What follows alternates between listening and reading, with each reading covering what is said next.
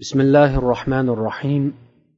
الحمد لله رب العالمين ولا عدوان إلا على الظالمين والصلاة والسلام على سيدنا محمد سيد المرسلين وإمام المتقين وعلى آله وصحبه أجمعين. أما بعد السلام عليكم ورحمة الله وبركاته. hurmatli mo'min birodarlar bu shamoili muhammadiya kitobidan bo'layotgan darsimizning o'ttizinchi qismi bo'lib ushbu suhbatimizda payg'ambar sollallohu alayhi vasallamning hayolari va hijoma qilishlari haqidagi boblarning hadislari bilan tanishamiz inshaalloh. Babu ma jaa fi hayai rasulilloh sollallohu alayhi vasallam va fihi hadithan. Rasululloh sollallohu alayhi vasallamning hayolari haqidagi bob. Bu bobda imomi termiziy ikkita hadisni rivoyat qiladilar. قال حدثنا محمود بن غيلان قال حدثنا أبو داود قال حدثنا شعبة عن قتادة قال سمعت عبد الله بن أبي عتبة يحدث عن أبي سعيد الخدري قال كان رسول الله صلى الله عليه وسلم أشد حياء من العذراء في خدرها وكان إذا كره شيئا عرف في وجهه أبو سعيد الخدري رضي الله عنه دن روايات قلنا aytadilar payg'ambar sollallohu alayhi vasallam parda orqasidagi bokira qizdan ham hayoliroq edilar agar u zotga biror narsa yoqmasa uning yoqmaganligi yuzlaridan bilinar edi arablar odatiga ko'ra qadimda agar qiz bola voyaga yetib qolsa unga xonaning bir chetidan alohida joy qilib parda bilan to'sib qo'yishar edi. Mulla ali qori aytadilarki odatda parda orqasida o'tirib uydan tashqariga kamdan kam chiqadigan balki uyning ichida ham kam aralashadigan bunday bokiralar ko'pchilik orasida gapirmay rozilik va norozilik alomatlari yuzlaridan bilinar edi. Rasululloh sollallohu alayhi vasallam ana shunday bokiralardan ham hayoliroq edilar. Bu islomdan avval johiliyat davrida ham islom kelgandan keyin ham arab xalqlari ichida joriy bo'lib kelgan insoniy axloqlardan edi. Hurmatli mo'mina opalar va singillar men sizlarni e'tiborlaringizni mana bunday ayol husniga husn qo'shadigan go'zal xulqlar bilan pardozlangan iboli bokiralarning odobiga emas balki butun bashariyatning afzali payg'ambar sollallohu alayhi vasallamning axloqlariga jalb qilmoqchiman. Aziz mo'min birodarlar va mo'mina opa singillar payg'ambar sollallohu alayhi vasallamning muborak ta'limotlaridan o'zlaringizni mahrum qilmanglar va sunnati saniyalarini tadbiq qilinglar.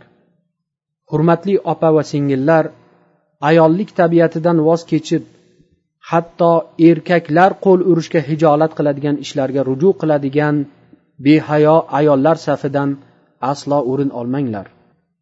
Alloh taolo o'zi asrasin. Hikmatli so'zlarda aytishar ekanlar agar ayol kishi o'zidan hayo pardasini olib tashlasa u xuddi hamma uchun ochiq hojatxonaga o'xshab qolar ekan. Natijada har qanday kishi unda hojatini bajarar va har qanday pashsha unga qo'naverar ekan. قال حدثنا محمود بن غيلان قال حدثنا وكيع قال أنبأنا سفيان عن منصور عن موسى بن عبد الله بن يزيد الخطمي عن مولى لعائشة قال قالت عائشة ما نظرت إلى فرج رسول الله صلى الله عليه وسلم أو قالت ما رأيت فرج رسول الله sollallohu alayhi vasallam qottu. Bu hadis oysha roziyallohu anhoning mavlolaridan rivoyat qilinadi. U ayol aytadilarki oysha roziyallohu anho aytgan edilar men rasululloh sollallohu alayhi vasallamning avratlariga qaragan emasman yoki roviy shak qilib avratlarini aslo ko'rgan emasman. Lekin bu hadisning isnodida uzilishlik bor deydi muhaddis ulamolar. chunki oysha onamizdan rivoyat qilgan kishining kim ekanligi bayon qilinmagan ya'ni majhul. Rasululloh sollallohu alayhi vasallamning hayolari haqida so'z yuritar ekanmiz. Albatta bu ikki hadis bu haqda yetarli ma'lumot bera olmaydi. Alloh taolo barchalarimizni hayoli bandalaridan qilsin. Babu ma fi hijamati rasulilloh sollallohu alayhi vasallam va fihi sittatu ahadith. bundan keyingi bob payg'ambar sollallohu alayhi vasallamning hijoma qildirishlari haqidagi bob bob bo'lib bu bobda oltita hadis rivoyat qilinadi birinchi hadis قال حدثنا علي بن حجر قال حدثنا إسماعيل بن جعفر عن حميد قال سئل أنس بن مالك عن كسب الحجام فقال أنس احتجم رسول الله صلى الله عليه وسلم حجمه أبو طيبة فأمر له بصاعين من طعام وكلم أهله فوضعوا عنه من خراجه وقال إن أفضل ما تداويتم به الحجامة أو إن من أمثل ما تداويتم به الحجامة anas roziyallohu anhudan hijoma qiluvchi kishining kasbi halolligi haqida savol qilib so'rashdilar shunda u zot aytdilarki payg'ambar sollallohu alayhi vasallam hijoma qildirgan edilar u zotni abu toyba ismli sahoba hijoma qilib qo'ygan edilar. Keyin rasululloh sollallohu alayhi vasallam unga ikki so taom xurmo jo'natib uni xo'jayinlariga uning xarojidan kamaytirishlarini ham taklif qilgan edilar. Va sizlarning eng afzal yoki eng yaxshi davolash uslublaringiz hijomadir degan edilar. قال حدثنا عمرو بن علي قال حدثنا أبو داود قال حدثنا ورقاء ابن عمر عن عبد الأعلى عن أبي جميلة عن علي أن النبي صلى الله عليه وسلم احتجم وأمرني فأعطيت الحجام أجره. ali roziyallohu anhudan rivoyat qilinadi aytadilarki payg'ambar sollallohu alayhi vasallam hijoma qildirib meni hajjomga xizmat haqqi berib qo'yishimga buyurgan edilar.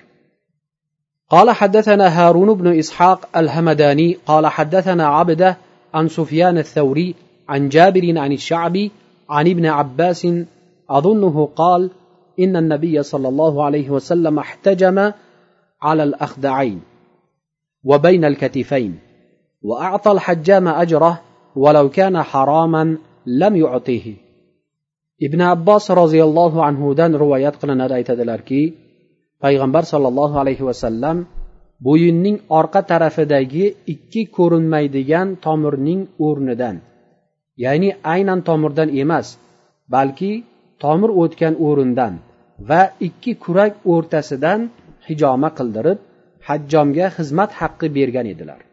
Agarda bu ishga haq olish harom bo'lganda edi unga haq bermagan bo'lar edilar. قال حدثنا هارون بن إسحاق قال حدثنا عبدة عن ابن أبي ليلى عن نافع عن ابن عمر أن النبي صلى الله عليه وسلم دعا حجاما فحجمه وسأله كم خراجك؟ فقال ثلاثة آسوع فوضع عنه صاعا وأعطاه أجره. ibn umar roziyallohu anhudan rivoyat qilinadi aytadilarki payg'ambar sollallohu alayhi vasallam hajjomni chaqirtirib hijoma qildirdilar. Keyin undan xarojing ya'ni xo'jayiningga to'laydigan haq qancha deb so'radilar. U uch so dedi. So bug'doy arpa va shu kabi narsalarni o'lchash uchun ishlatiladigan idish bo'lib u to'rt mudga yoki uch mudga teng bo'ladi. Mud esa chamasi bir litr bo'ladi. Undan bir soni bekor qildirib xizmat haqqini ham berdilar. قال حدثنا عبد القدوس بن محمد الأطار البصري قال حدثنا عمرو بن عاصم قال حدثنا همام وجرير بن حازم قال حدثنا قتادة عن أنس بن مالك رضي الله عنه قال كان رسول الله صلى الله عليه وسلم يحتجم في الأخدعين والكاهل وكان يحتجم لسبع عشر وتسع عشر وإحدى وعشرين. Anas roziyallohu anhudan rivoyat qilinadi aytadilar payg'ambar sollallohu alayhi vasallam odatda bo'yin orqasidagi ikki tomir o'rnidan avval aytganimizdek aynan tomirdan emas balki tomir o'tgan o'rindan va yelkadan hijoma qilib qon oldirar edilar. Va oyning o'n yettinchi o'n to'qqizinchi va yigirma birinchi kunlarida hijoma qildirar edilar.